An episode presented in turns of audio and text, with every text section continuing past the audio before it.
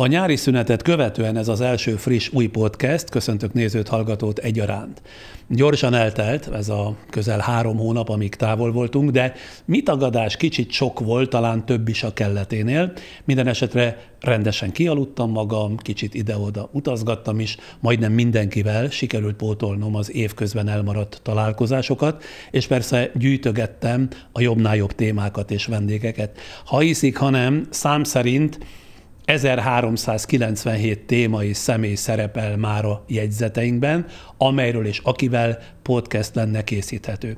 Azt szoktam mondogatni, ha ebben a pillanatban szűnne meg az élet a Földön, mi még durván három év és tíz hónapig minden egyes nap tudnánk valakivel podcastet készíteni, illetve beszélgetni, feltéve persze, hogy ők és én életben maradunk. Na de akkor kinek készülnének ezek a beszélgetések, ugye? Szerencsére ezen nem kell töprengeni, mert önök olyan hálás közönségünk, hogy akkor is rengetegen néznek, hallgatnak bennünket, amikor mi szüneteltetjük az elsődleges működést.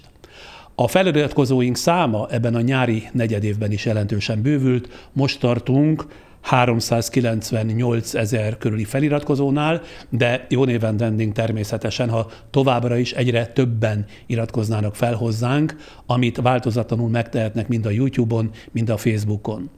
A YouTube-on a Friderikus Podcast oldalán a képernyő alatt kisé balra találják a feliratkozás gombot, arra kell egyet kattintani, és már fel is iratkoztak. A facebook.com-on ugyancsak a Friderikus Podcast oldalon a követem gombot kell megnyomni, ilyen egyszerű.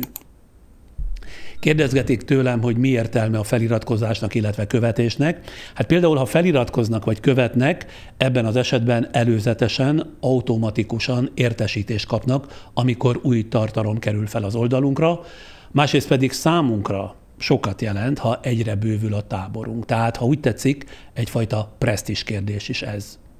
És akkor most már jöjjön némi előzetes a mára szánt beszélgetésünkből. A tudás azáltal került válságba, hogy az elitnek a hitele az megcsorbult, kicsorbult. Az elit alatt értem azt, akiről lehet tudni, hogy végzettségénél, képzettségénél, munkakörénél fogva tudja azt, amit mond. De ha az elit hitele kicsorbul, akkor a Youtube-on lehet látni ilyen csodadoktorokat, akkor azoknak fogok hinni. Most az elit hitele egyébként mitől csorbult ki? átalakult a, a nyilvánosság, és ennek következtében tulajdonképpen az ilyen self-made tudósok, ezek soklúd disznógyőz alapon, ezek egyszerűen legyőzték a többit, az igazi tudósokat. Erre megint nem gondoltam, hogy ez a politika, ez egy kábítószer, és hiába látod már, hogy, hogy értelmetlen a munkád, hiába látod, hogy, hogy nem tudsz megtenni, vagy a 10%-át tudod megtenni, amit akarsz, de valahogy ezt nem akarod elhinni. De mi olyan édes és ellenállhatatlan a politikában? Hogy van titkárnőd, hogy van ö, sofőröd, hogy röpködsz a világban, a japán császától kezdve a Bush elnökig, én mindenkivel találkoztam, aminek semmi értelme nincsen tulajdonképpen, így el tudok neked dicsekedni ezzel, de ez ad egy olyan illúziót számodra, hogy te egy fontos ember vagy. És ez a fontosság tudat, ez annyira erős, hogy ez elnyomta bennem az igazi fontosságot, az, hogy hát tulajdonképpen elárultam azt, amit eredetileg akartam a, a tudományt. A mai vendégünk szkeptikusan optimista, vagy inkább derülátóan kételkedő könyvet írt, az Értékek ébresztése címmel, Arról a mind általánosabb érzetünkről, miszerint a bizonytalanság korában élünk, ami azt jelenti, hogy nincsenek válaszok életünk alapvető kérdéseire. Nem tudjuk, hogy mire való az életünk, mi a boldogság titka, miért születtünk, ahelyett, hogy nem születtünk volna meg, nem tudunk mit kezdeni a halállal, és fogalmunk sincs arról, hogy mi az élet célja, értelme. Nem mondom, ezeken a kérdéseken én is elég gyakran elgondolkodom, és nyilván még nagyon sokan. De ezek szerint vendégünk is nekilátott a megfejthetetlennek látszó rejtvény megoldásának, és ennek kulcsát, hogy megelőlegezzem a kötet és a következő beszélgetés végkicsengését, az értékek újra felfedezésében, de még inkább az életünk során elvesztegetett szabadságunk visszaszerzésében látja. Az Értékek ébresztése című könyv szerzőjét, Cseperi György, szociálpszichológus professzort hívtam meg szezonnyitó podcastünkbe.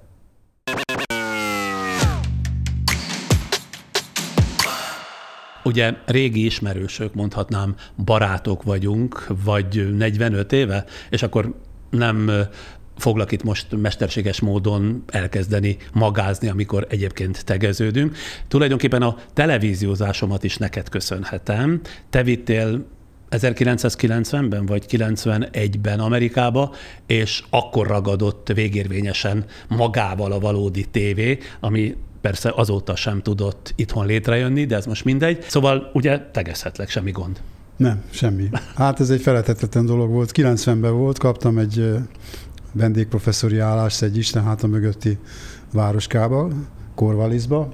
Ott kaptam egy külön házat, és akkor az a kis ház, amiben beköltöztünk, ott a, a lent, lenti traktusba kaptál egy lakatási lehetőséget, és első pillanatban bekapcsoltad a televíziót, és akkor megmerevettél mint amikor először kapja az első nagy kábítószer adagot valaki. Annyira más volt, annyira az újdonság erejével hatott, hogy mindjárt nem tudom, 300 csatornát látok, profibnál profibi műsorokat, szóval fantasztikus volt nekem az. De ennek a podcastnek a beindulásánál is bábáskodtál, 2021 áprilisának végén, mindjárt az első podcastben négy további barátommal együtt megfontolandó útravalókat is adtál nekem, az akkor még számomra új műfajhoz. Akkor vetettem föl, hogy azért teszik nekem ez a vállalkozás, mert bizonyos értelembe véve azt a hiányt, ami akkor már fejembe volt, hogy megfogalmazandó, te kipótolod nevezetesen az, hogy felsorakoztatsz egy sereg értéket, amely lehetőséget ad az emberek számára, hogy válasszanak, és lehetőséget ad az emberek számára ahhoz, hogy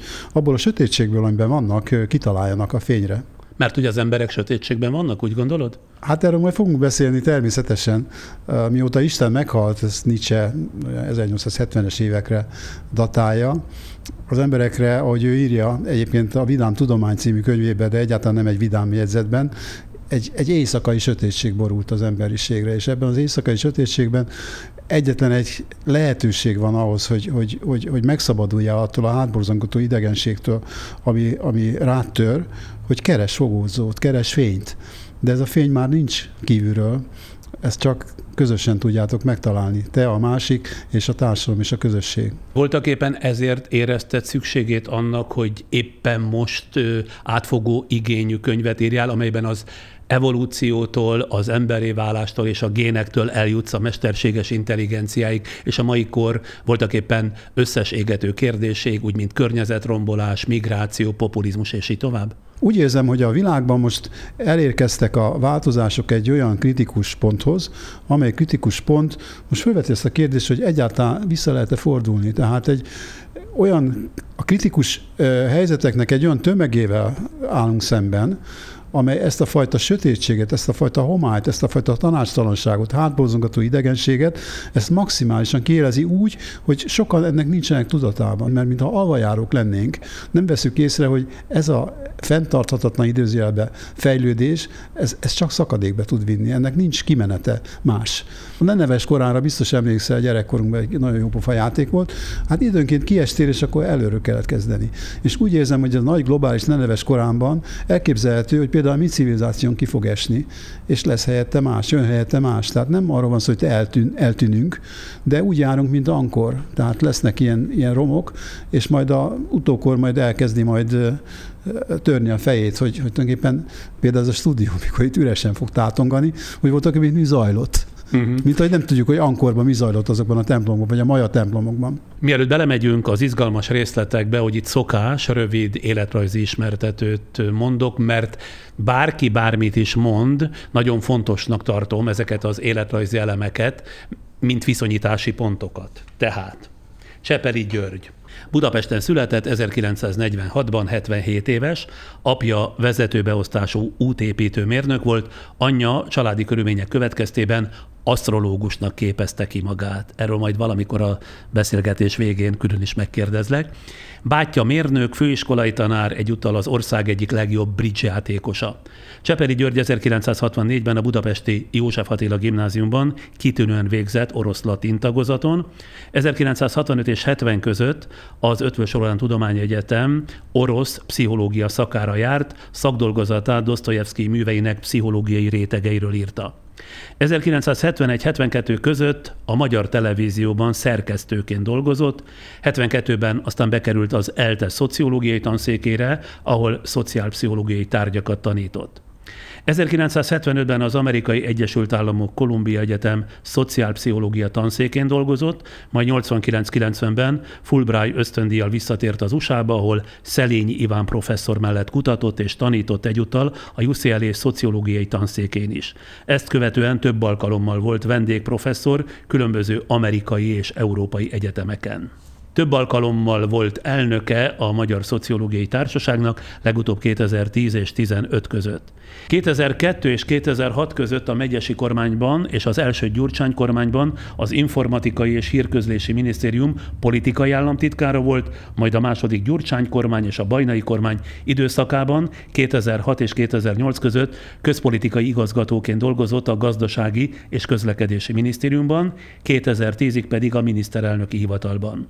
1992 óta a Magyar Tudományos Akadémia doktora, jelenleg az ELTE Társadalomtudományi Karának professzor emeritusza, a Szociológia Doktori Iskola Interdisziplináris Társadalmi Kutatások doktori programjának alapítója és programvezetője. Munkásságáért 1980-ban Erdei Ferenc díjat kapott, amit ifjú tehetséges szociológusok kapnak meg, 2020-ban pedig az Akadémia Rézler Gyula díjjal ismerte el munkásságát.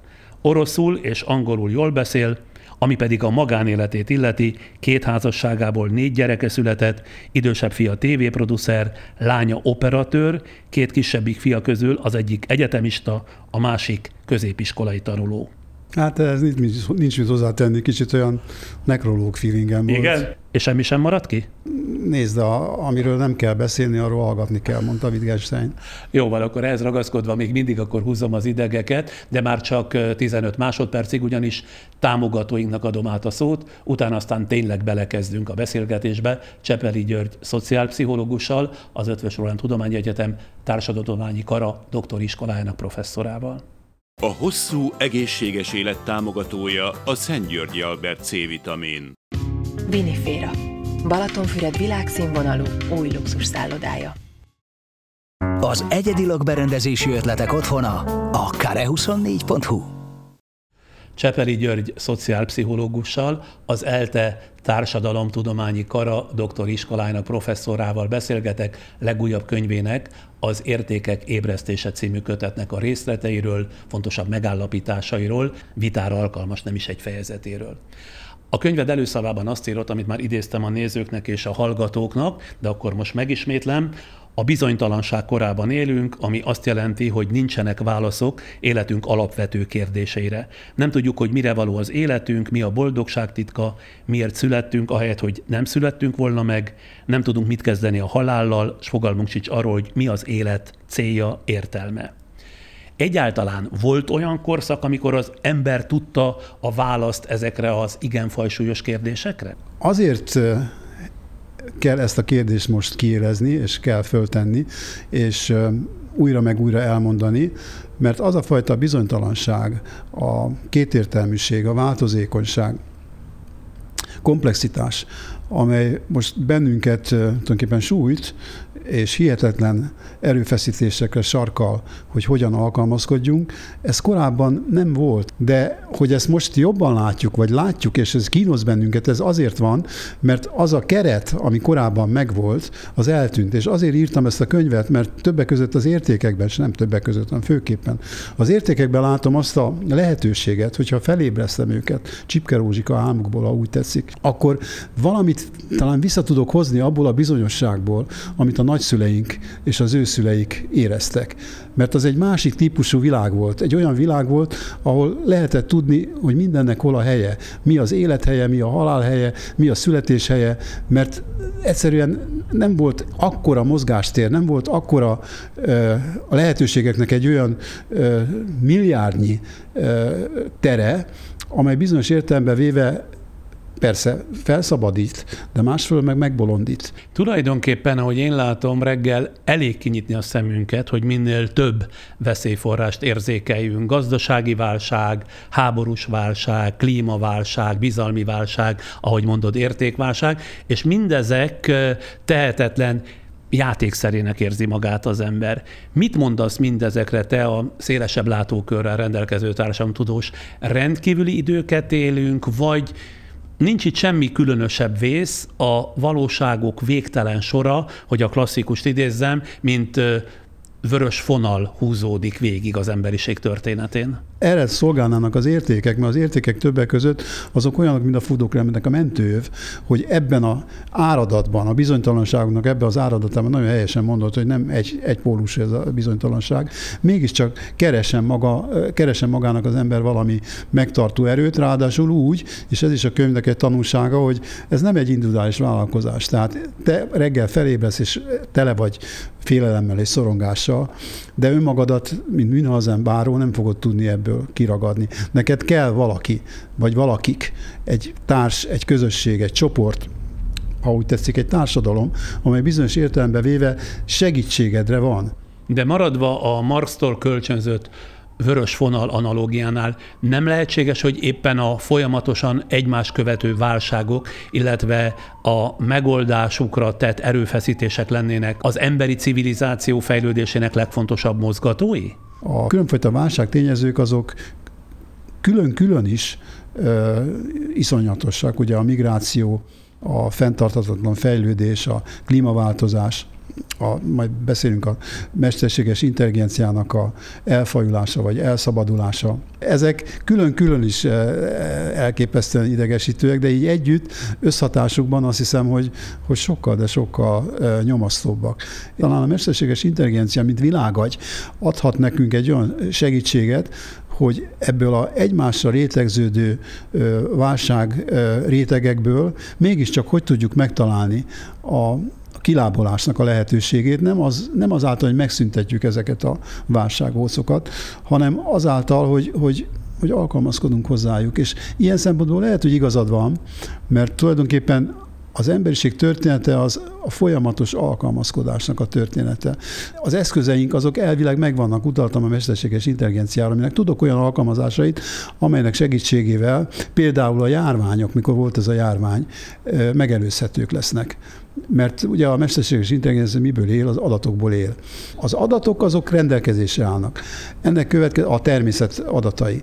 Ennek következtében ezeknek az adatoknak a összegyűjtése, ezeknek az elemzése lehetővé teszi nem csak azt, hogy leírjuk, hogy mi volt, vagy megállapítsuk, hogy mi van, hanem azt, hogy előrejelezzük, hogy mi lesz.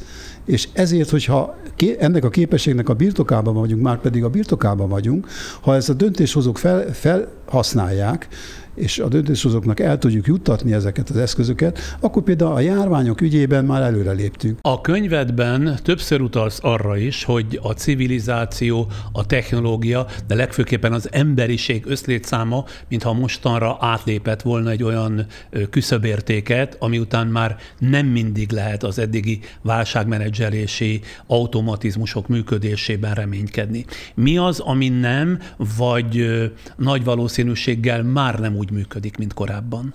Amit olvasok, annak alapján úgy látom, hogy ez a 8 milliárd, ez, ez már ez is nagyon sok.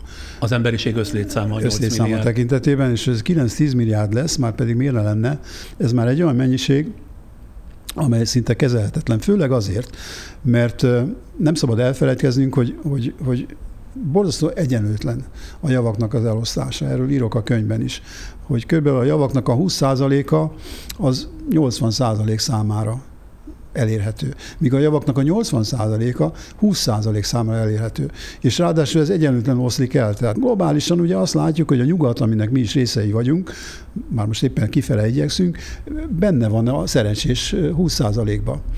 Míg a többiek benne vannak a szerencsétlen 80%-ban. Tehát ha nem tudjuk a globális egyenlőtlenséget menedzselni, akkor akármennyien vagyunk, nagyon nehéz helyzetnek nézünk elébe. És jelenleg ugye úgy látom, hogy ennek a népesség robbanásnak a javát Afrika produkálja egészen elképesztő ütemű. Nézd meg a statisztikákat, hogy pár milliárdról most már 5-6 milliárdan vannak és lesznek. Csak Afrikában? Csak Afrikában, úgyhogy nincsenek források. Ugye a klímaváltozás többek között azt is jelenti, hogy az ivóvíz az, az ritka értékké válik. Na most, ha valamire szüksége van az embernek, az az ivóvíz. Tehát ha nincs, akkor nyilván elindul oda, ahol van ivóvíz. A migrációt többnyire úgy szokták felfogni, mint régen volt ugye a 12. században, hogy a, ugye a jobb élet reményében az ember fogja a vándorbotot, és elmegy olyan helyre, ahol, ahol van kenyér, van tej, van munka. De ma már inkább a körzet által motivált migráció az, amivel szembe kell néznünk, mert az nem milliókat, hanem esetleg egy milliárdnyi embert fog majd kilökni Afrikából, és hova máshova, mint Európába. És erre nem vagyunk felkészülve. Amiről beszélek a könyvemben, mint, mint veszélyről, az a, az a harc. Tehát akkor, amikor, amikor a kirekesztettek, a megnyomorítottak és a megalázottak, azok öntudatra ébrednek, és azok vannak többségbe, és harcolni kezdenek azokkal szemben, akik ugye, mint mi, ülünk a tutiban. Ez itt a probléma. Tehát nekünk kellene, akik a tutiban ülünk, rájönni arra, hogy a mi életünk is csak akkor fog működni rendesen, hogyha felajánljuk az együttműködésnek a lehetőségét a kirekesztettekkel, ami azután persze jelentett versenyt is. De versenyzni csak akkor lehet, hogyha van egyfajta, hanem, hanem van egyfajta egyenlőség. Na de te láttad az emberiség történetében bármikor is, hogy a kisebbség a saját kényelméről lemondva a többség érdekét elkezdi maga is támogatni? Vannak ilyen esetek, például a magyar eset az ilyen. 48-ban ugye a magyar nemesség fogta magát, és lemondott a kiváltságairól. Azért, mert rájött arra, hogy, hogy, hogy együtt a magyar nemzet jobban jár, mint hogyha föl van osztva nemesekre és jobbágyokra. De maga az alapgondolat, az, az teljesen importálható, hogy nevezetesen az, hogy a kiváltságaidról, hogyha lemondasz, és átengeded egy részüket azoknak, akik ki vannak szorítva a kiváltságokból, akkor az összességében mindegyik félnek előnyös. Nem látom akadályát annak, hogy egy ilyen felismerés ne jöhessen létre ma globálisan. Tehát te úgy ítéled meg, hogy a történelemnek azon pillanatában vagyunk, amikor ez a felismerés globálisan létre tud jönni tényleg? Hát itt van például a, a gyarmatosítás. Ugye a brit gyarmatbirodalom azért az nem egy jótékonysági szervezet volt és a, ha csak India példáját hozott fel, Hát az indiaiak ennek abszolút nem örültek, hogy ők el vannak nyomva a britek által. Jó lehet, nagyon sok civilizációs előnyhöz is hozzájutottak, de Gandhi végül is meggyőzte őket arról, hogy ez nem egy jó ötlet, hogy ők el vannak nyomva a britek által, és fel is szabadultak. De úgy szabadultak fel, hogy ez nem azt jelentette, hogy felnégyelték a gyarmatosítókat, hanem képesek voltak egy olyan új összhangra, amely új összhang már lehetővé tette számukra, hogy ők, mint elnyomott többség, végül is kiegyezve az elnyomó kisebbséggel, létrehozzanak egy, egy olyan államot, Indiát, ami épp a napokban produkált egy fantasztikus teljesítmény, a Holdra juttatott egy olyan, mű, olyan járművet, amely jármű korábban csak az oroszok vagy az amerikaiak számára volt lehetőség. Tehát azt akarom mondani, hogy vannak olyan példák, amikor egy kisebbség átengedi a jogait a kiváltságait a többségnek, és a többség ezt nem bosszúállásra használja fel, hanem bizonyos értelembe véve egy kiegyező gesztusként kölcsönös hasznot tud belőle kovácsolni. Szerinted a világ relativizálódik és növekedési tébolyban szenved, azaz a bizonyosságok, kiegyenlítő mechanizmusok eltűnnek belőle, és ahogy írod is ebben a kötetben, a planetáris idiotizmus, ugye jól mondom, a planetáris idiotizmus válik uralkodóvá. Ezen a planetáris idiotizmuson mit értesz? Ugye van ez a fejlődésmánia, amely fejlődésmánia e, tulajdonképpen azt jelenti, hogy, hogy mindegy, hogy miről beszélünk, csak holnap több legyen belőle, mint tegnap volt. De nem azért legyen belőle több, mert az neked jobb, vagy bárkinek jobb, hanem azért, mert esetleg több pénzt lehet belőle kicsiholni, több hatalmat lehet belőle teremteni. Tehát nem magának a, a felhasználónak az érdekeit szolgálja ez a növekedési vagy fejlődési mánia, hanem azoknak az érdekeit, akik nem akarnak vagy nem tudnak átállni egy másik pályára, amit úgy szoktak nevezni, hogy fenntartható fejlődés. És ehhez hatalmas szövetségeseik vannak a meglévő fenntartásához. Az új technológia, ez a mesterséges intelligencia, ugye végül is azt jelenti, hogy minden egyes ember rengeteg adatot produkál a puszta léte által. De ezek az adatok nem tűnnek el a semmibe, eh, hanem, hanem bekerülnek eh, különfajta adatközpontokba, és ha ezeket az adatközpontokat össze tudják kapcsolni, centralizálni tudják, akkor egy olyan eszköz jut a birtokodba, amivel tulajdonképpen előre neked meg lehet mondani, hogy te mit fogsz akarni, mit fogsz szeretni, mire lesz neked szükséged. Tehát bizonyos értelemben a szokásaim, véve, a korábbi szokásaim alapján. A, és a hozzád hasonlók eh, korábbi szokásai alapján ez önmagában véve még, még beleférne szerintem a játszmába, de emögött ugye van egy nagyon fontos politikai hatalmi érdek is. És a planetáris idiotizmus, amit ebből Heidegger vezetett be a filozófiai nyelvbe, még a 30-as években, amikor szó se volt big data-ról, szó se volt totális ellenőrzésről ezen a szinten, diktatúráról persze volt szó, a planetáris idiotizmus azt jelenti, hogy már nem fontos maga a cél se, csak az, hogy fenntartsd a hatalmadat ez az önmagát fenntartó hatalom, vagy hatalmi téboly, ez ha elkezdődik, akkor ennek nincs vége. Ez a helyzet, amire utalok, a kiinduló pontja az egész ö, problémakörnek, amit most elkezdtünk ö, megvitatni, az igazságtalanság, a társadalmi igazságtalanság. Na most a társadalmi igazságtalanságot azt el lehet folytani, el lehet hazudni, de arra is alkalmas, hogy kiváltson egy olyan feszültséget azokban, akik ezt átélik, hogy meg akarják változtatni a viszonyokat. És ez, a, ez az, ami jelenleg hiányzik a mai világból. Azt írod a könyvben, hogy mindezzel, tehát a bizonytalansággal szembe kell szállni, azaz át kell értékelni a fennálló értékeket. Régi mániámat mondom neked, nem a tömegtársadalmak megjelenése idézte elő ezt az egész értékvesztést? Tehát, hogy az a világ jött el a tömegtársadalmakkal, amikor a világból alig valamicskét értő embertömegek döntenek el, alapvető társadalmi politikai kérdéseket. Igen, a tömegtársadalom hozta létre ezt a helyzetet, de ezen nem tudunk segíteni, nem tudjuk visszaforgatni, mert az a helyzet, amikor volt két milliárd ember a Földön, és a két milliárd ember ugye különfajta meghatározott keretekben tudott gondolkozni, akkor még ugye az értékek adtak egyfajta biztonságot.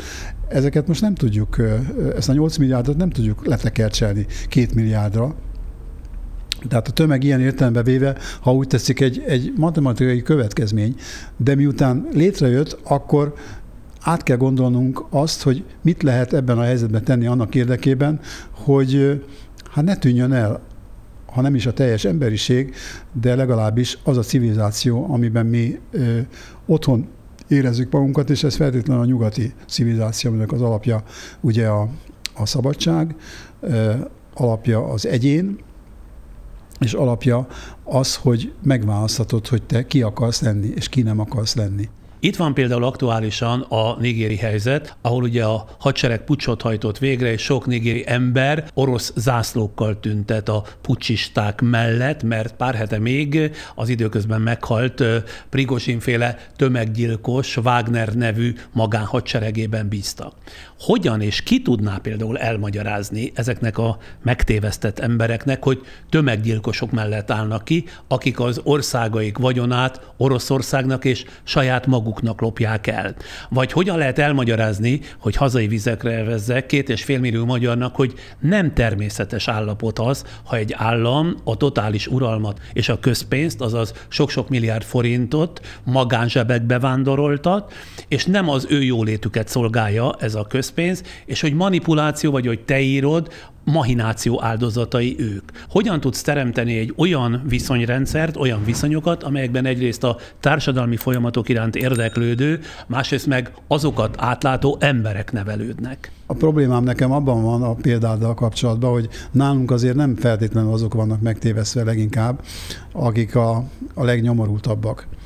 Azok, hát azok is megvannak, de azok nincsenek, mert azok nem vesznek adja. részt, azok nem vesznek részt a politikai életbe, tehát azokhoz nem jut el semmifajta információ. Tehát akikhez eljut különfajta információ, azokhoz például ez a fajta értelmezés, amit te mondasz, ez nem jut el pusztán azért, mert, mert nincs meg az a szabad média helyzet, amely eljutathatná ezeket az információkat. Illetve ami van, mert sajnos van központi média, az pontosan azt az üzenetet jutatja el, amiről te beszélsz. Abban valószínűleg nagyon igazad van, hogy akik belenőttek, és Magyarország esetében ezt mondhatjuk, hogy tulajdonképpen a szabadsághoz leverését követően belenőttünk egy olyan politikai kultúrába, ahol a szabadság legalábbis gyanús. Gyanús olyan szempontból, hogy, hogy nincs benne az, amit mai, mai szóval úgy neveznek, hogy okosság. Amikor ugye úgy őrizzük meg a saját szabadságunkat, hogy tulajdonképpen az engedményeket teszünk azoknak, akik, akik urak akarnak lenni. Ugye a legjobb példa erre a a monarchia ideje, ami egyébként egy nagy sikertörténet lehetett volna, de pszichológiailag azért azért nem egy magától értetődő dolog, hogy egyszerre szerették a magyarok Kossuth Lajost is, meg Ferenc Józsefet is. És tényleg őszintén szerették mind a kettőt.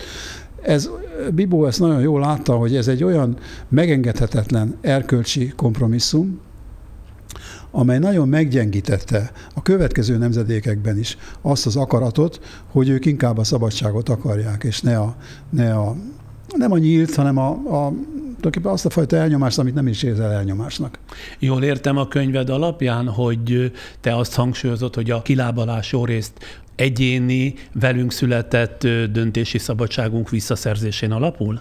Messze menően a gyerekeinknek a javarésze most beszélek a saját társadalmi rétegeknek a gyerekeiről, azok már nem így szocializálódnak, hanem nyugaton szocializálódnak, ahol az megvan, ami itt nincsen. És ennek következtében meg fogják tudni tanulni, vagy már mégis tanulták azt, hogy az igen az mit jelent, és a nem mit jelent.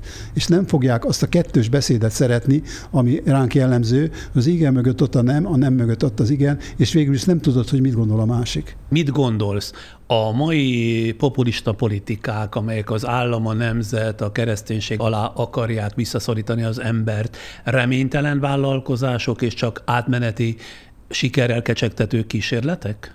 Úgy látom, hogy nálunk valóban ezt elég könnyű ennek a, ennek a tünetcsoportnak a összetevőit észrevételezni, de ezt is csak a politikai retorikában, nem a mindennapokban. A mindennapokban, hogy kimegyek az utcára, mint hogy most jöttem, sétáltam, mielőtt itt feljöttem, és semmi fajta, hogy mondjam, olyan fajta elnyomatottságot nem éreztem, ahol tulajdonképpen érződött volna az, hogy, hogy, hogy előre meg van határozva, hogy mi a család, mi a nem család, meg van határozva, hogy, hogy mi a kereszténység, mi a zsidóság. Tehát én úgy látom, hogy itt egy szakadéknyi különbség van a politikai retorika és a valóság között. És attól nem tartasz, hogy a politikai retorika erőbb-utóbb valóságformát ölt?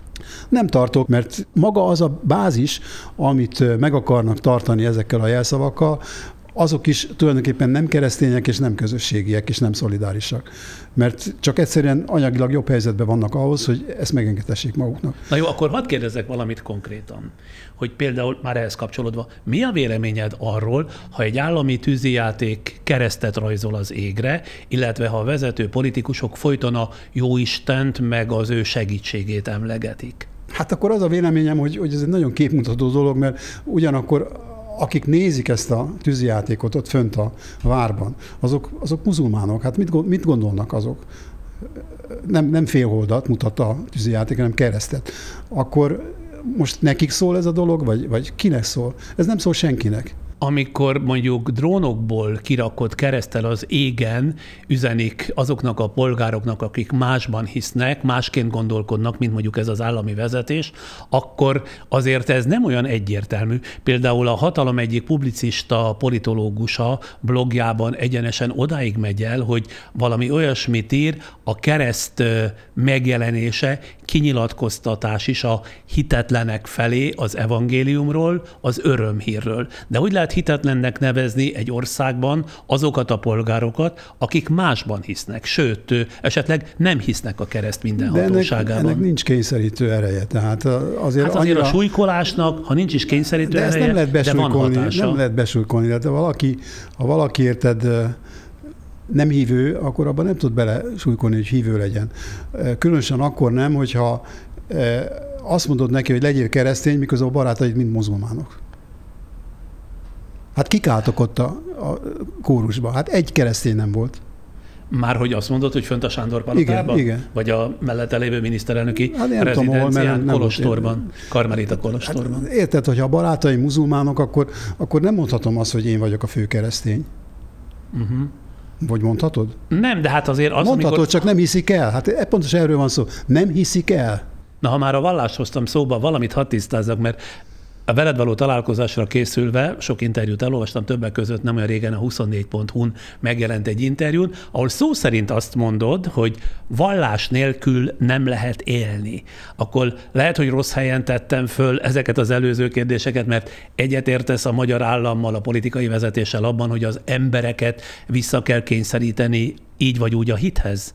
Azt igen, gondolom nagyon komolyan, hogy abból a zűrből, amiről beszéltünk, és amivel elindítottuk az egész beszélgetést, igenis a vallás adhat egy bizonyos kivezető utat.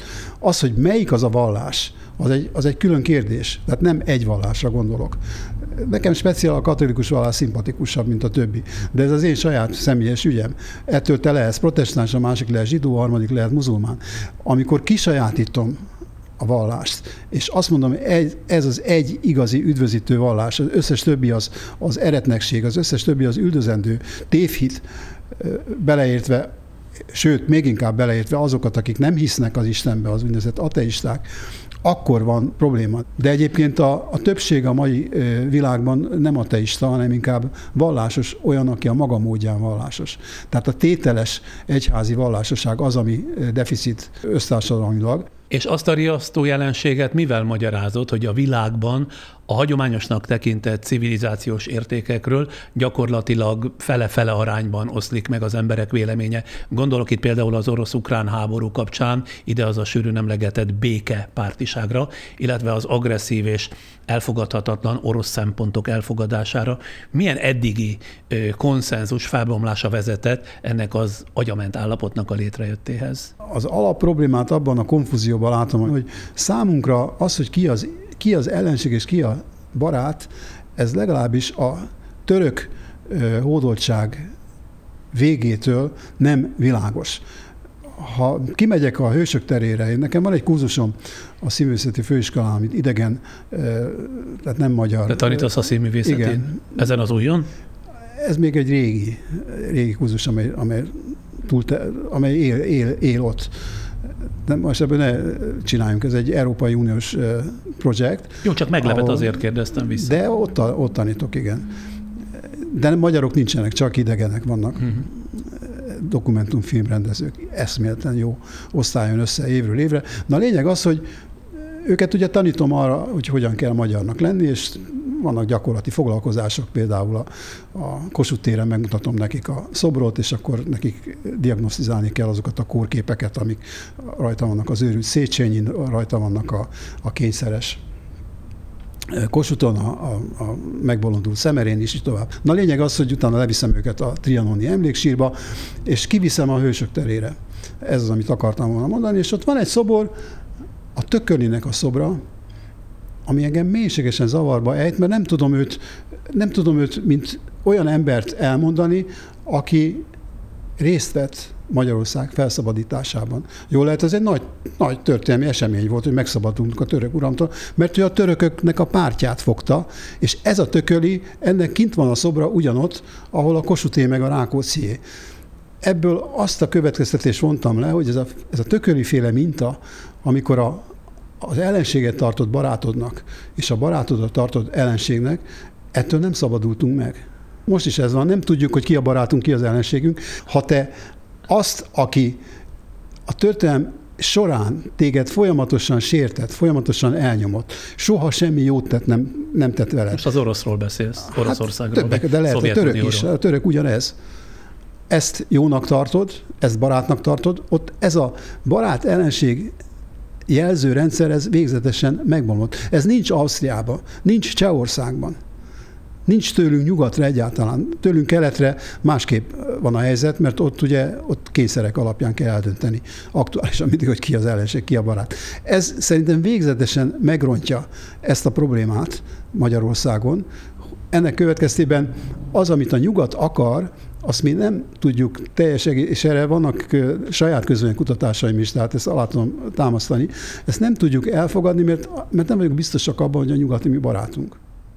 Na de szerinted miféle attitűdbeli torzulás késztetheti arra emberek tömegeit, hogy például az orosz-ukrán háborúban annak a Putyinnak adjanak igazat és drukkoljanak, pláne ilyen történelmi előzmények után, amelyik elpusztít egy másik országot, megkínoz, meggyilkol rengeteg embert, ha csak a dolgok emberi oldalát nézzük. Miféle gátak épülnek be ezeknek az embereknek az érzületeibe, hogy nem képesek vagy nem hajlandók átérezni, milyen lenne, ha velük, szüleikkel, gyerekeikkel történne meg ugyanez. Hová lett az empátia, hová lett a beleérzőkészség ezekből az emberekből? Mi írta, vagy mi írja ezt felül? Ez egy csapda, amiből nem tudsz kiszabadulni. Itt ezek a kérdések, amiket te felvesz, az empátia, meg a másik áldozatának a, a felmérése, ezek nem játszanak semmi szerepet, mert ezek tulajdonképpen egy, egyfajta szemüveget húznak rád, amely szemüveggel nem látsz, csak egyféle ellenséget és egyféle barátot. Azt a fajta sokféleséget, amiről beszéltünk korábban is, amire szükség lenne, azt te nem tudod eljutatni. És azt te hogy látod? Miért lett masszitok szóvá a liberalizmus ebben az országban? Miért forgatják ki jelentéséből? Nem gazdasági értelemben természetesen, hanem az ember és a közösség egymáshoz való viszonya szempontjából.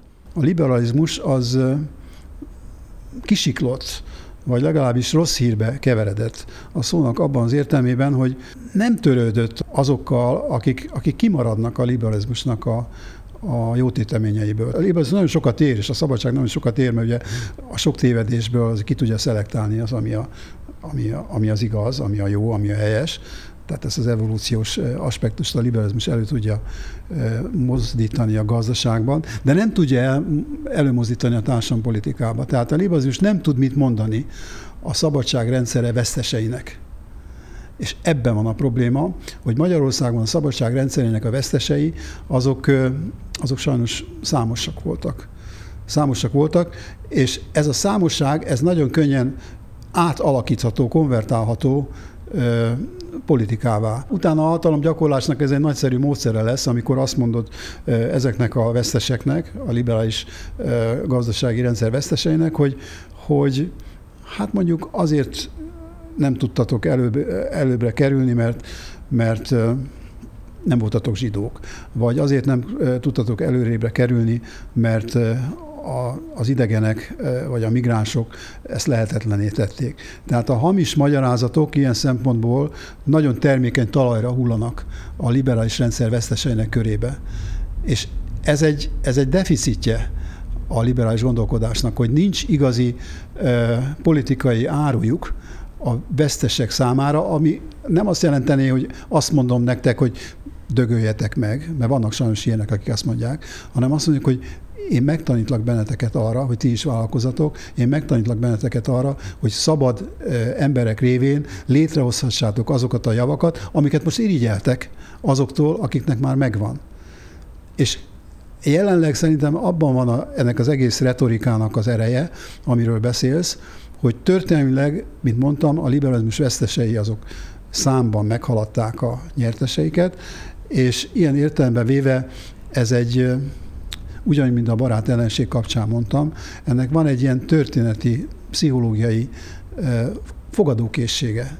Miközben a liberalizmus nem jelent más, mint szabad elviséget, ami alapvetően és személyes szabadságon és törvény előtti egyenlőségen alapszik, ugye? Vagyis a szabad gondolatok széles spektrumát jelentő eszmerendszer, melyek közös vonása, hogy az egyén szabadságát jelölik meg, mint legfontosabb politikai célt. Kizárt, hogy a ma embere ne ennek megfelelően akarna élni, és mégis. Természetesen szeretne mindenki úgy élni, mint ahogy a dánok élnek, és senki nem szeretne úgy élni, ahogy a nigeriek élnek, de azért azt is látni kell, hogy, hogy a, a liberalizmus abban a, abban a működésmódban és abban a jelentés tartományban, ahogy létrejött, ma már nem azonos korábbi magával.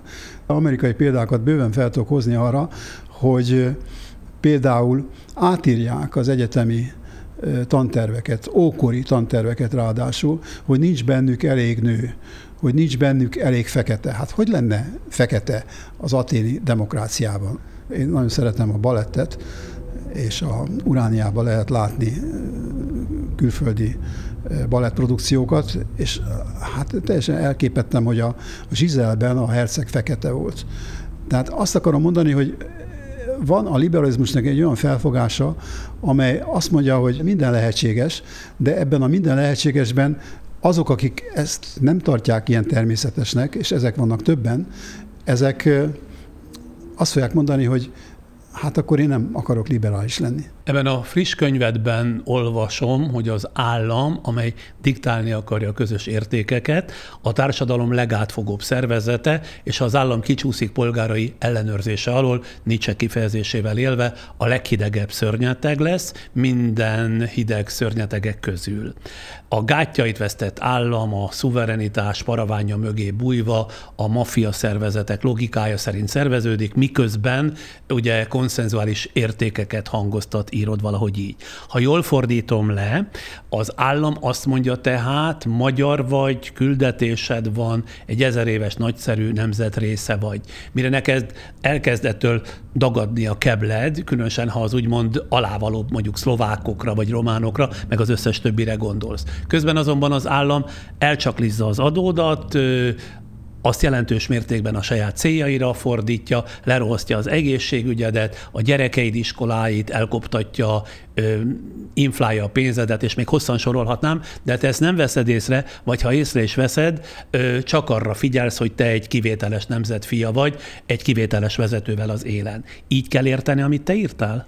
Nietzsche ilyen értelembe véve nem egy államról mondta, hanem magáról az államról mondta ezt a hát tulajdonképpen borzalmas megállapítást, hogy persze, hát mi különbség van a, a bűnöző és a, a politikus között. De már Max Weber is felvetette ezt a kérdést. Hát csak annyi, hogy az egyik jogszerűnek tartja azt, amit elkövet, azt a gyilkosságot. A másik az meg jogszerűtlenül csinálja. De a, a, a, maga az erőszak az, az ugyanaz. És a logika tulajdonképpen csak abban van, hogy kinél van a jog kihatározza meg az, hogy mi a bűn, és mi, a, mi az erény. Van egy olyan mondás, hogy a, a, a demokrácia az, amikor a nép csinálja a jogot, a, a, a diktatúra az, amikor a, a tekintély csinálja a jogot. Ha nálam van a jog, és nálam van a, hatalom, hogy megmondjam, hogy ki a bűnöző és ki a, az erényes, akkor ugye nyugodtan bűnözhet az én barátom, mert nem lesz soha elítélve. De ha nem nálam van a jog, hanem a népnél van a jog, akkor már ez a lehetőség elvész, és ez a szerepe mondjuk a független bíróságnak, ez a szerepe mondjuk a, a független jogalkotásnak. Szerinted mi magyarázza az emberek kitartó hiszékenységét, vagy beletörődését, azaz manipulálhatóságát? Pusztán a tudás és a tájékozódás hiánya? Hát nyilván belejátszik a, a, az ismeret hiány, persze.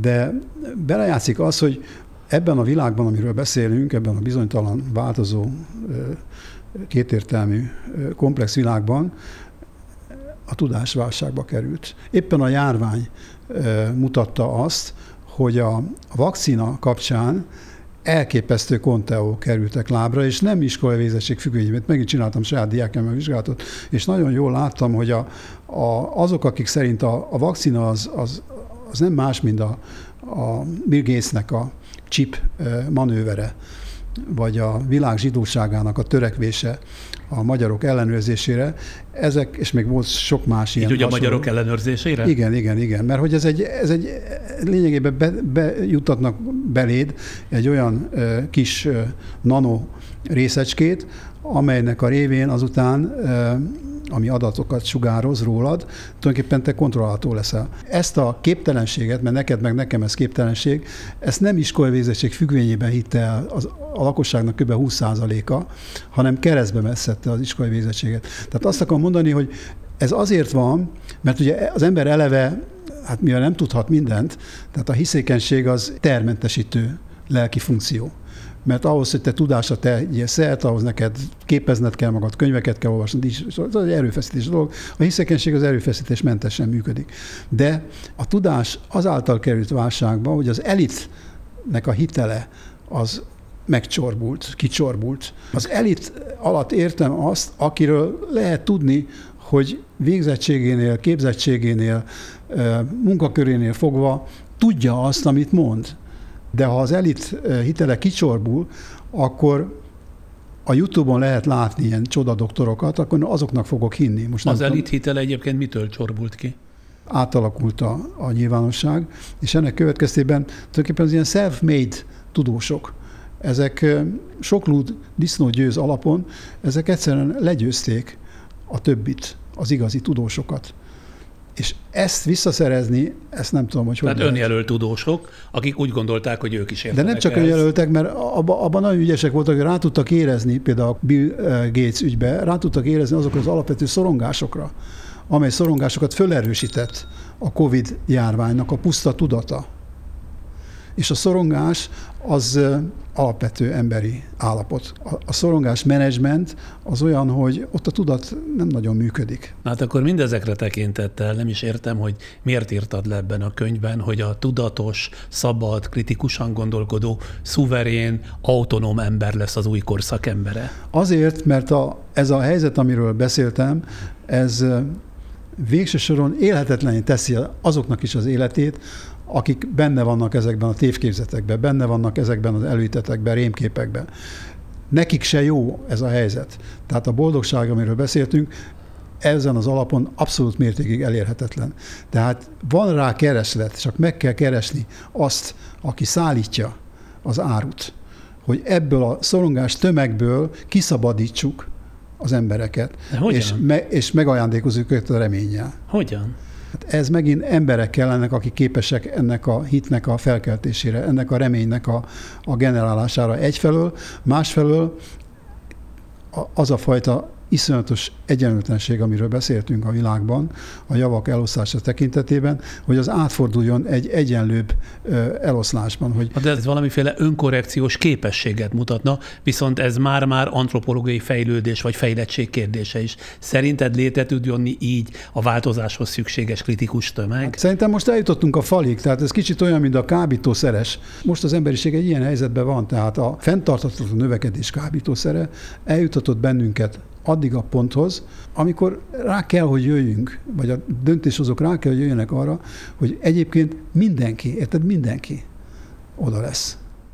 Én e tekintetben, ha valamennyire optimista vagyok, akkor ezt leginkább a mesterséges intelligenciától tudom remélni. Szóval, hogy ha működésbe lépnek az emberi intelligenciát is meghaladó úgynevezett szuperintelligenciák, ami adott esetben akár a civilizáció szolgálatába is állhat. Persze erről sokan meg ugye azt gondolják, vagy azt állítják, hogy éppen ezek válnak majd a közös főellenségekké, akik képesek lennének az emberiség vesztét okozni. Te mit gondolsz? Inkább reményteljesnek vagy a létrehozók és a működtetők gyarlóságai miatt reménytelennek látod az ilyen Isten vagy teremtő, pótló, szuperintelligens tekintély esetleges megjelenését? Igen, benne van a lehetőség, a, hogy tulajdonképpen felgyorsul ez a szakadékba zuhanás, de benne van az a lehetőség is, amire korábban már utaltam, hogy, hogy leáll és megfordul tehát a fenntarthatatlan fejlődésből lesz fenntartható fejlődés.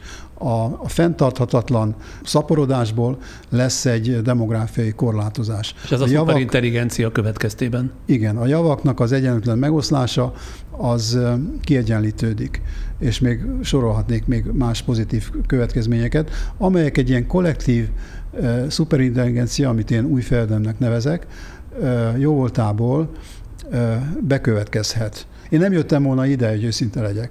Ha mondjuk azzal a hírrel jövök, fölteszek egy ilyen gyászszalagot, és mondom, Sándor, hát sajnos az emberiségnek vége van, én nem tudok neked más mondani, hogy temessük el először egymást, majd utána mondjuk azt, hogy vége, és abból szerinted mennyi az igazság, hogy ez az egész kicsúszhat a kezünkből, és az ember fölé emelkedik a mesterséges intelligencia? Egy bizonyos Tristan Harris, a Google egyik vezetőfejlesztője egyenesen azt állította egy minapi interjúban, hogy az egyeztetések hiánya miatt a gép rövidesen felülemelkedik az emberen, és az 1940-es, ha jól emlékszem, évekhez hasonlította a mozzajló változások paradigmatikus jelentőségét. Szerinte ez az új típusú mesterséges intelligenciákkal az emberiség hasonló kockázatos felfedezést tett az elmúlt években, mint a második világháború idején a nukleáris fegyverkezés területén. Csak hogy amíg a nukleáris fegyverkezésről világszintű megállapodások születtek, a mesterséges intelligencia demokrácia tekintetében semmiféle világszintű szabályozás nem volt, legalábbis egységes szabályozás nincs, ez pedig végzetessé teheti a jövőt. korai még egyik vagy másik jóslatot megfogalmazni, mert még nem vagyunk ott. Tehát ez a kollektív szuperintelligencia, ez, ez, ez, talán tíz év, amíg megjelenik. És akkor még nem említettem azt a dolgot, amit Kurzweil mondott, hogy ráadásul ez egy olyan kollektív szuperintelligencia lesz, amely nem hagyja érintetlenül az emberi testet se, és az emberi agyat se. Tehát ezt nem úgy kell elképzelni, hogy itt majd a szerverek vagy a felhőben majd zajlik, zajlanak ezek a folyamatok, hanem ez, ez azt fogja jelenteni, hogy sajnos, vagy nem sajnos, meglátjuk, hogy, hogy ki fog választani egy osztályt az emberekből, a mesterséges intelligencia? Igen, akik, hogy mondjam, tulajdonképpen részei lesznek ennek a, ennek a technológiának, és nem lehet majd tudni, amikor te majd fogsz beszélgetni, vagy a partnered, vagy a következő Friderikus fog beszélgetni, akkor nem lehet tudni, hogy most ki beszél, a gép, vagy pedig az ember.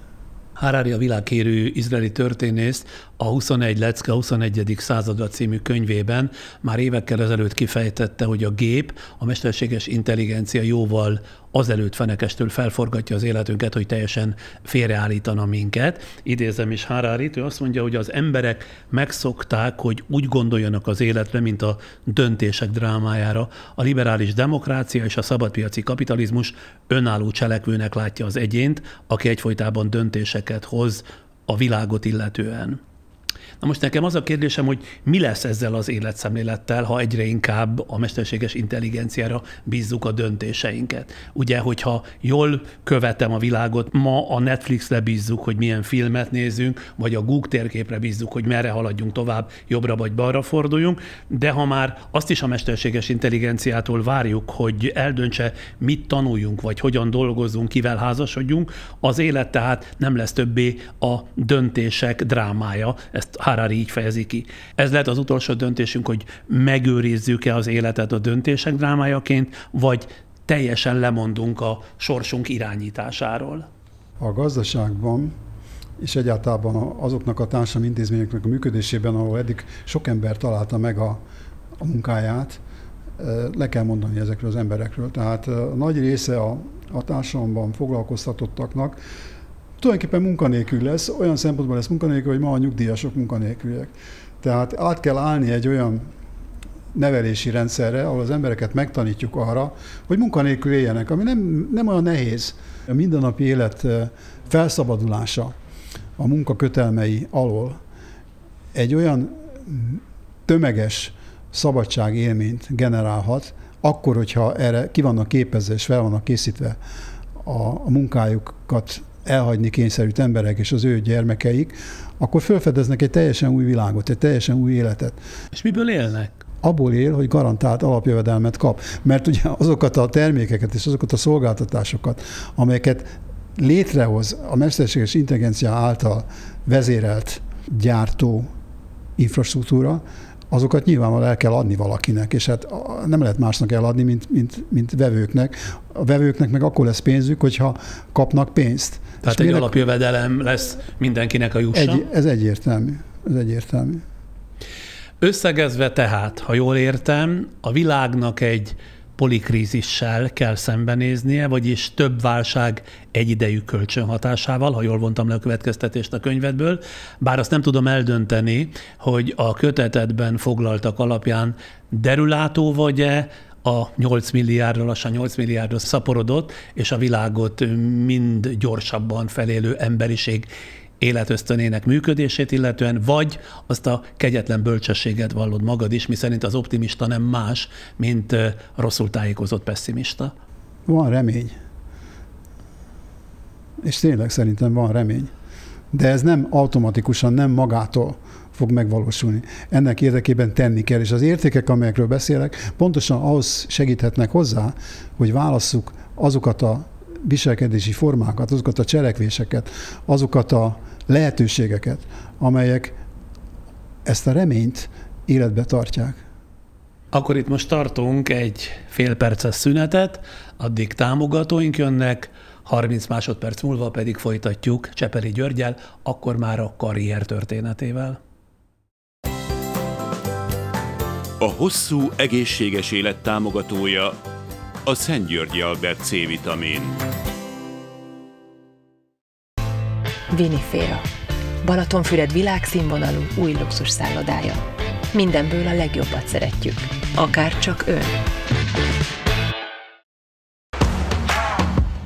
Care Design. Az egyedi lakberendezési ötletek otthona. Kare24.hu Folytatjuk Cseperi György szociálpszichológussal, egyetemi tanárral a beszélgetést.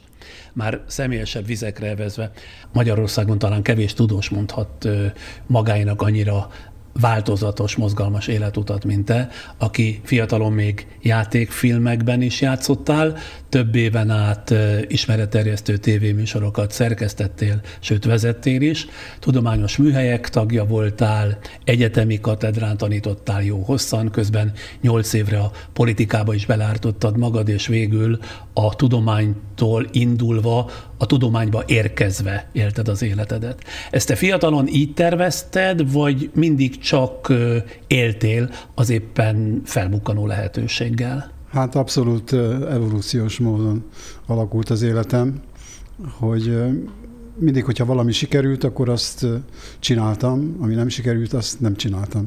És ezek a epizódok, amikre utaltál, ezek többnyire sikerélményekkel társultak, így aztán folytattam úgy, ahogy azt lehetett, de arra nem tudok semmifajta példát mondani, hogy én mondjuk 16 éves koromban felébredtem az ágyamban, és azt mondtam, hogy szociálpszichológus leszek.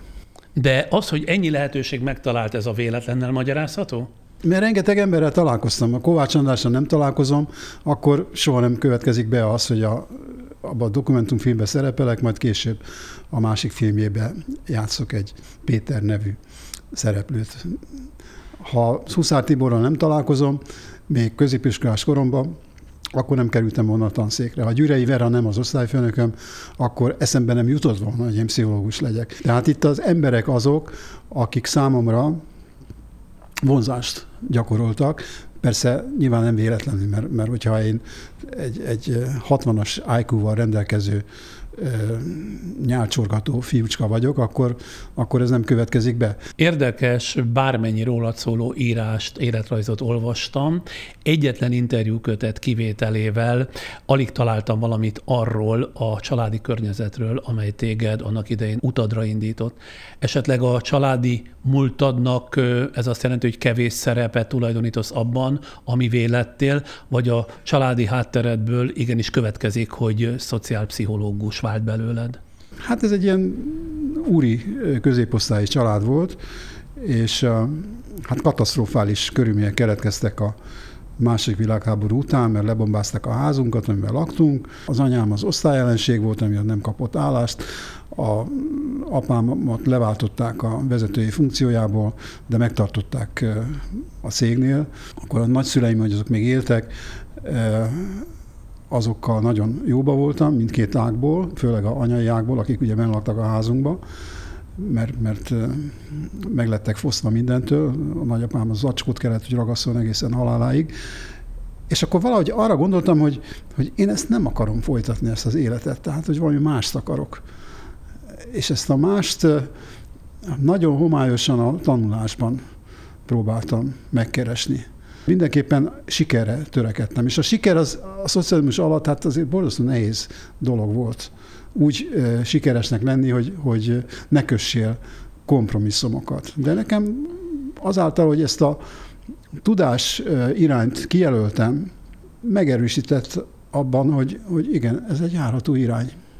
Valahol azt olvastam a kevés cikk között, hogy szándékosan te olyan dolgokat csináltál, amelyek nem passzoltak bele a te családod polgári középosztálybeli értékrendjébe, azaz igyekeztél mindig mindent éppen ellenkezőleg fordítva csinálni. Te tulajdonképpen azért mentél pszichológiára, mert a pszichológia zsidó tudománynak minősült, amit egy normális keresztény középosztálybeli fiú nem választhatott volna magának. Nyilvánvalóan ez is belejátszott. Ez is belejátszott, de akkor szerintem ez nem volt bennem egy tudatos dolog. Eleve az, hogy ki zsidó, ki nem zsidó, abban a korban az nem volt egy, egy szempont. A maga a tudomány egy, egy keresztény nemzeti szempontból nézve feltétlenül gyanús volt. Gyanús volt. Szóval azt állított, hogy kinőtt belőled valaki, akinek nem kellett volna kinőnie? Hát egy gentri háttérből, vagy egy keresztény közép családi háttérből nem következik az, hogy valaki pszichológus lesz, vagy orosz tanár. Amikor te elkezdtél szociológiával és szociálpszichológiával foglalkozni, akkor az nem számított politikai lázadásnak szemben például a marxizmus-leninizmussal? A szociálpszichológia az, az, az egy olyan tudomány, amely, mint mondtam neked, a mindennapi élettel foglalkozik. És akkoriban a mindennapi élet azért, hogy mondjam, nem volt áthatva mélyen. Ma már tudjuk, hogy rengeteg diktatórikus elem volt benne, de azért azt kell mondjam, hogy ha az ember vizsgálta a szeretetet, a gyűlöletet, szeretet, és főleg amivel én foglalkoztam, a csoportközi viszonyokat, a antiszemitizmust, a cigányellenséget, a nemzeti tudatot, azt szabadon tudtam kutatni, Ilyen értelembe véve nem éreztem, hogy én el vagyok nyomva, és a megkérdezettjeim se érezték, hogy ők el vannak nyomva. Tehát az adott külső elnyomás ellenére belsőleg te szabadnak érezted magad?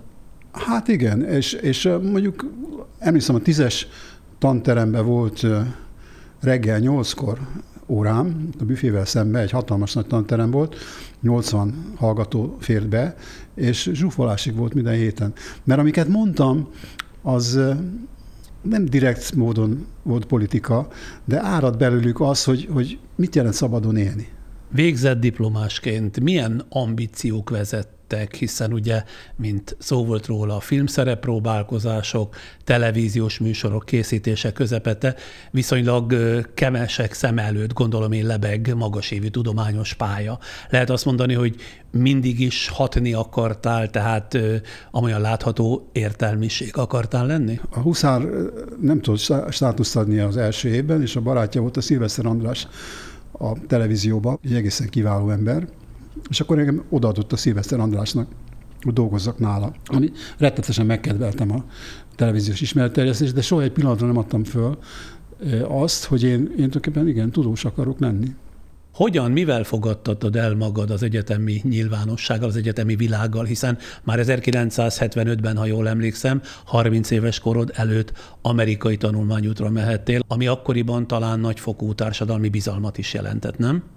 Hát ez egy véletlen volt, G.R. István kettőt kapott, két ösztöndíjat kapott, és akkor én megkaptam a másikat, a kisebb eh, ösztöndíjat helyette, de utána azt nem egettek ki 89-ig. Mert? Nem voltam teljesen megbízható, azt tudom mondani. Nem voltam teljesen megbízhatatlan se, de megbízható se. Onnan tudom ezt, hogy volt egy fantasztikusan érdekes professzor, az Antal László, nyelvész professzor. Rettetesen originális volt imádtam az előadásait, a könyvét is imádtam, volt egy Meaning of Meaning című könyve. Na a lényeg az, hogy az egyszer csak felbukkant a szobámba, hogy meghív, és elkezdett velem komolyan barátkozni. Hát én borzasztóan megtisztelve éreztem magam, és aztán később, a rendszerváltás után, amikor kikértem a irataimat, akkor láttam, hogy, hogy szorgalmasan jelentett rólam. De csupa jót. Igen? Igen. Hát Igen. mondjuk azt, azt megrovólak, hogy polgári a gondolkodásom. Téged soha nem akartak beszervezni? Nem. Nem volt semmilyen kezdeményezés. 1989 után már rendszeresen kijártál Amerikába, hogy ezt olvashattam. Miért megpróbáltad azt az imást, amit addig itthon felépítettél magadnak, ott is valamilyen módon felépíteni? Hát arra nagyon kíváncsi voltam, hogy mennyire vagyok eladható, igen. Arra nagyon kíváncsi voltam. De hát láttam, te is láttad, hogy azért mérsékelt volt az én sikerem, tehát nem tudtam magamat eladni. Főleg azért Miben nem, mert... állt ez, vagy miből adódhatott Hát mert ugye ez? az én erőm az mindig abban volt, hogy találkoztam emberekkel, akik fantáziát láttam, láttak bennem. Ott meg nem találkoztam ilyenekkel. Egy, egyetlen egy ember volt a Szelényi, aki bennem fantáziát látott. Szerényében. Szerényében. Aki akkor ott tanított a UCL-én? Persze, hát neki köszönhetem, hogy oda kerültem. De rajta kívül más nem látott bennem fantáziát. Így aztán persze meghívtak ide-oda, amoda, ilyen kapcsolati okok miatt, de az a nagy karrier, ami egyébként lehetett volna, az nem következett be. Ennek az oka valószínűleg az volt, hogy én 75-ben, amikor először voltam a Kolumbián, ott a Morton Deutsch látott bennem fantáziát. Ő ki? Ő az egyik legnagyobb szociálpszichológus, aki élt. Ugyanaz a kategória, mint a Mérei Ferenc vagy a Pataki. Na a lényeg az, hogy igen ám, de ahhoz nekem ott kellett volna maradnom, és ott kellett volna elvégeznem a PhD-t. És ha ott maradok és elvégzem a PhD-t, akkor nem kérdés, hogy gyönyörű karriert futok be Amerikába. És Fel... mi akadályozott meg ebben? Hát, hogy hazajöttem. És miért jöttél haza?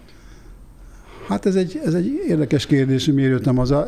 Volt egy kisgyerekem, amiatt is hazajöttem. A másik meg, hogy hát lehet, hogy hazafiságból is, mert ez a, ez a magyar nyelv, ez nekem nagyon sokat jelent. És nem akartam a magyar nyelvről lemondani. És aztán hogyan jutottál egy nagyot ugorva itthon a politika közelébe? Kinek az ötlete volt, hogy államtitkár légy, nem is egyetlen szocialista kormányban? Az informatikai minisztériumnak a leendő vezérkara az lezuhant egy magánrepülővel Siófok felett. És akkor hirtelen már mindenki megvolt, kerestek egy minisztert, a Kovács Kálmánt megtalálták, de államtitkárnak senki nem jelentkezett, az Istennek se.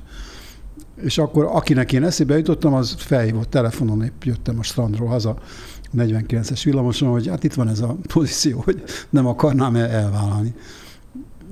És hát ugye, mondom, a véletlen embere vagyok, hát gondoltam, miért ne, hát próbáljuk ki. Konkrét feladatra hívtak, vagy az nem is volt meghatározva?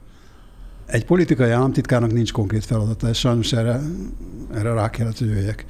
Ez lényegében véve egy, egy akkoriban ez egy olyan pozíció volt, aminek nem volt a szervezeti és működési szabályzatba leírva a jogköre. Tehát a politikai államtitkár az maga csinálta magának a, a jogkört. Na de mi volt akkor a dolgod? Hát ez, hogy csináltam magamnak jogkört, ami okozott bizonyos konfliktusokat a miniszteremmel, de ezek baráti konfliktusok voltak. Ami miatt tulajdonképpen elváltam komolyra fordítva a szót, hogy ez az információs probléma, ez, ez mindig bennem volt.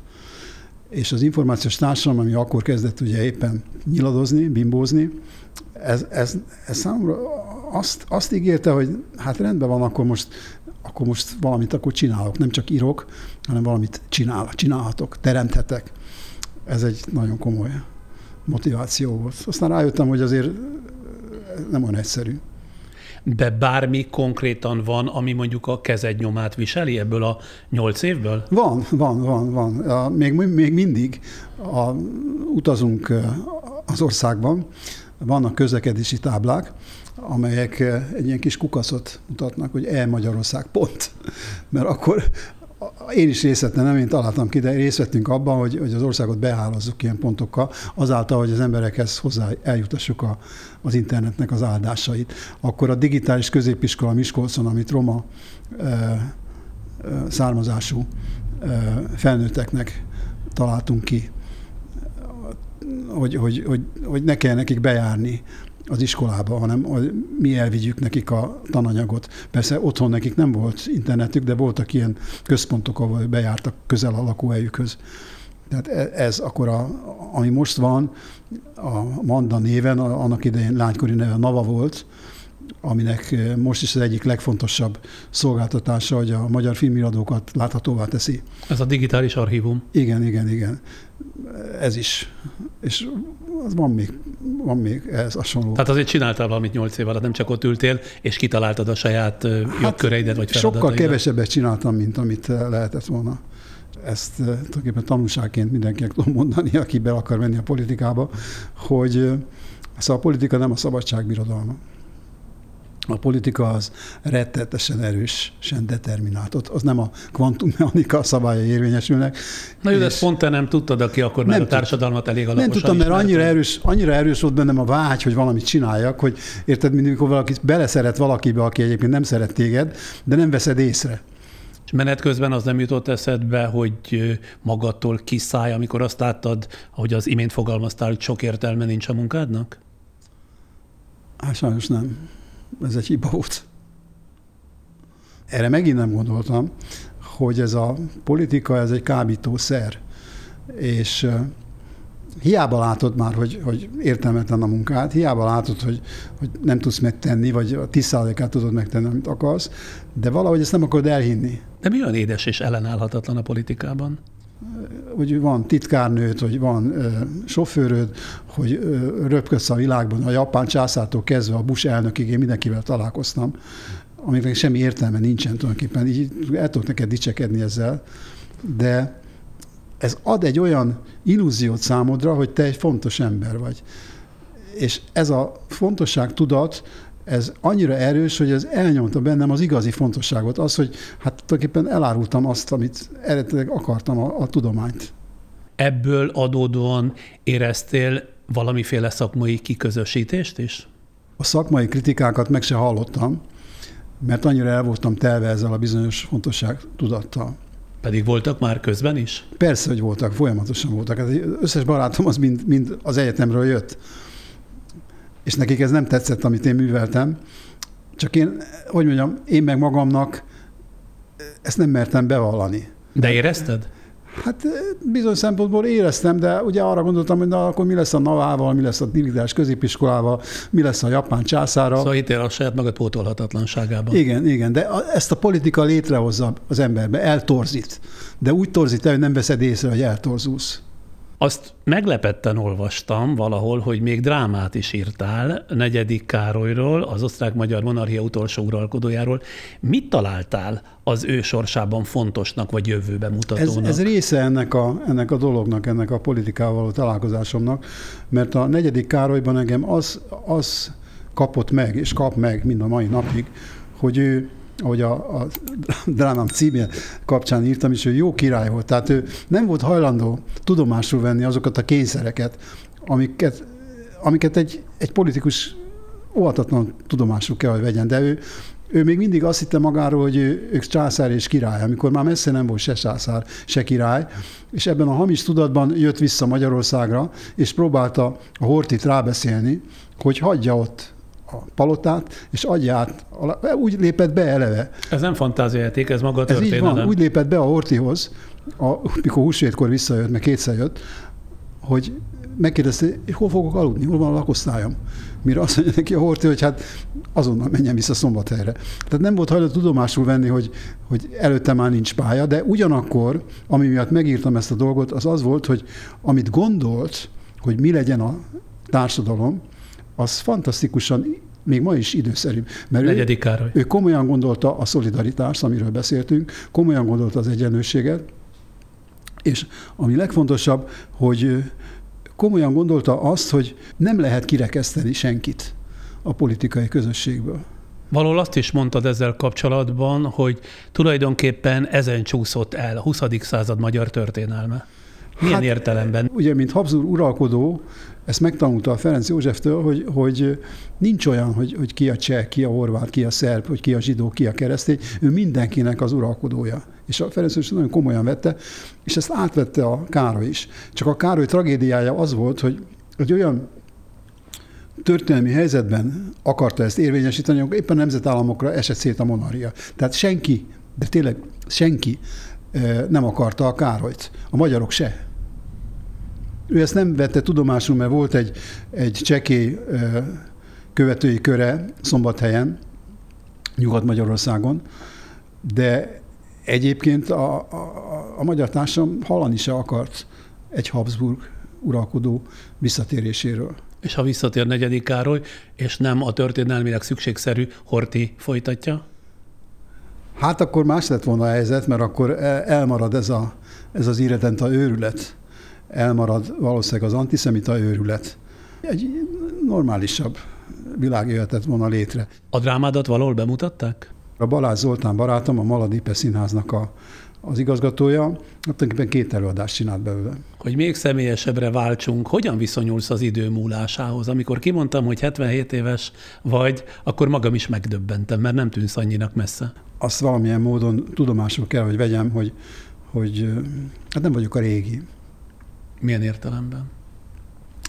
Hát a testem nem olyan ruganyos, a, a mozgásom az, az, az, az nem annyira friss, az arcom az, az ráncos, a hajam az kevés, tehát, hogy mondjam, azért vannak a, a, a test kopásának olyan tünetei, amiket csak nagyon nagy öncsalás árán nem tudsz tudomásul venni. Tehát ami a szellemkopását szellem, illeti? Szellemileg nem, szellemileg nem érzem magam. Sőt, meg kell mondjam, hogy jobb karba vagyok, mint valaha. Isten tartsa, tartsa meg, nem tudom, hogy meddig fog tartani. Te hívő lettél közben? Soha nem voltam teljesen hitetlen. Soha. De most a, a katolicizmusom az bizonyos szempontból fele turbózva, mert a Ferenc pápát nagyon sokra tartom.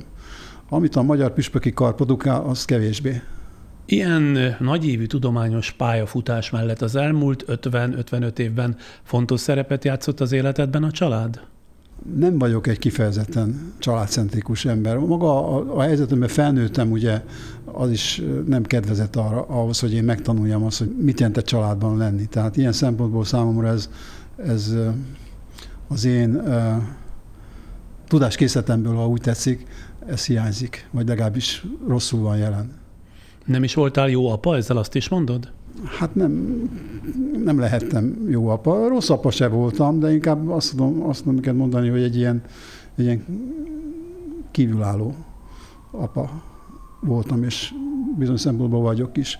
Ezért a, a gyerekeim feltehetően, hogy, hogy ezt megsínlették, vagy főleg a lányom nagyon megsínlette. Kapsz is szemrehányást emiatt? Kaptam bőven.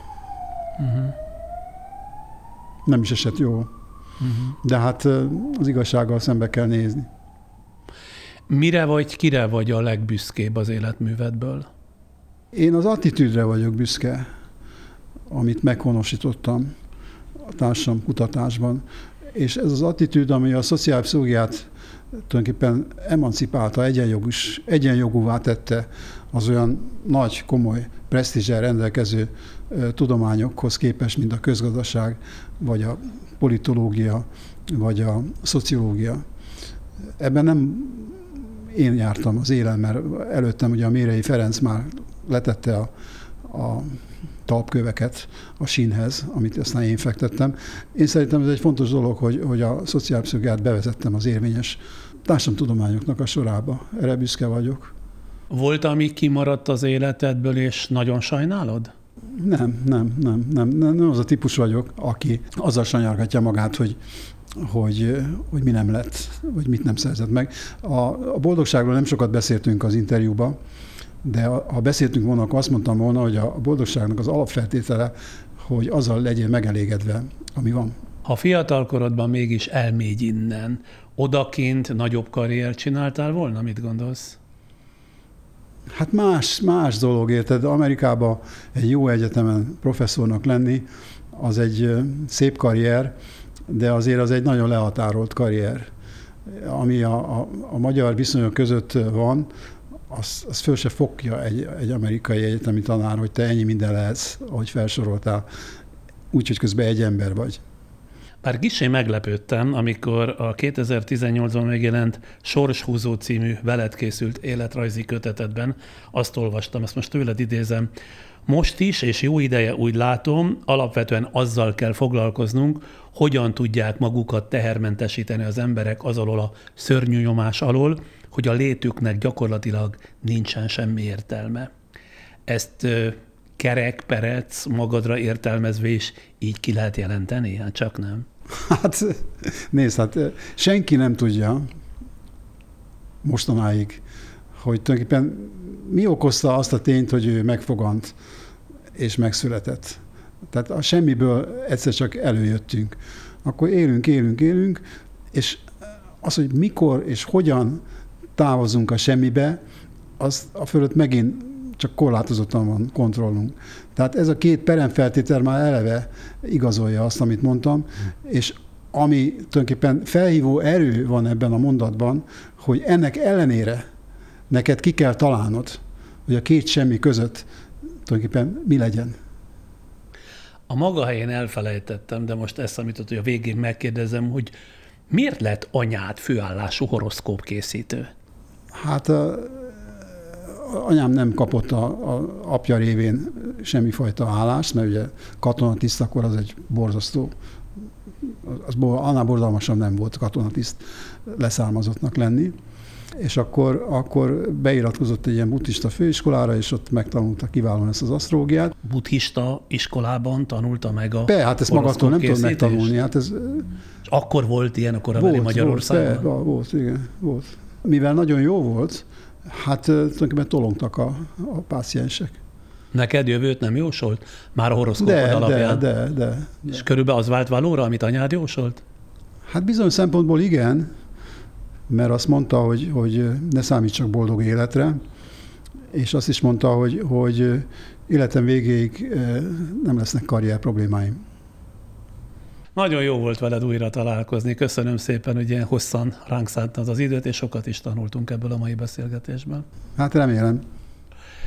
És már a nézőkhöz, hallgatókhoz fordulva, ha ezúttal is rendben találták ezt a beszélgetést, kérem támogassák folyamatos műsorkészítésünket. Ennek egyik módja, ha a YouTube-on a képernyő alatt kisé jobbra található köszönet gombot megnyomják, de egyéb módon is tudják támogatni műsorkészítésünket. Ezeket a módozatokat a képernyőnk alatt található műsorleírás után részletesen is olvashatják. Valamit majd még mondok, támogatóink 15 másodperces záró üzenete után. A hosszú, egészséges élet támogatója a Szent Györgyi Albert C-vitamin. Viniféra. Balatonfüred világszínvonalú új luxus szállodája.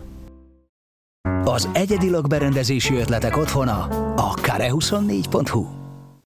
A régi rendünknek megfelelően a jövő héten ismét felteszünk korábbi tévés tevékenységen munkadarabjai közül újabb és újabb epizódokat, részleteket, amelyekből egyébként a YouTube-on a Friderikus Podcast oldalának negyedik visszinte sorában, de a Facebook oldalunkon is már nem kevesebb, mint 193 szórakoztató és komolyabb riport műsor részlet egyaránt megtalálható. Ha gondolják a következő új beszélgetés közzétételéig, tehát a következő két hétben válogassanak ezek közül, illetve azok közül, az archívanyagok közül, amelyekkel a jövő héten tovább bővítjük ezt a 193 darabból álló sorozatunkat. És akkor találkozunk legközelebb.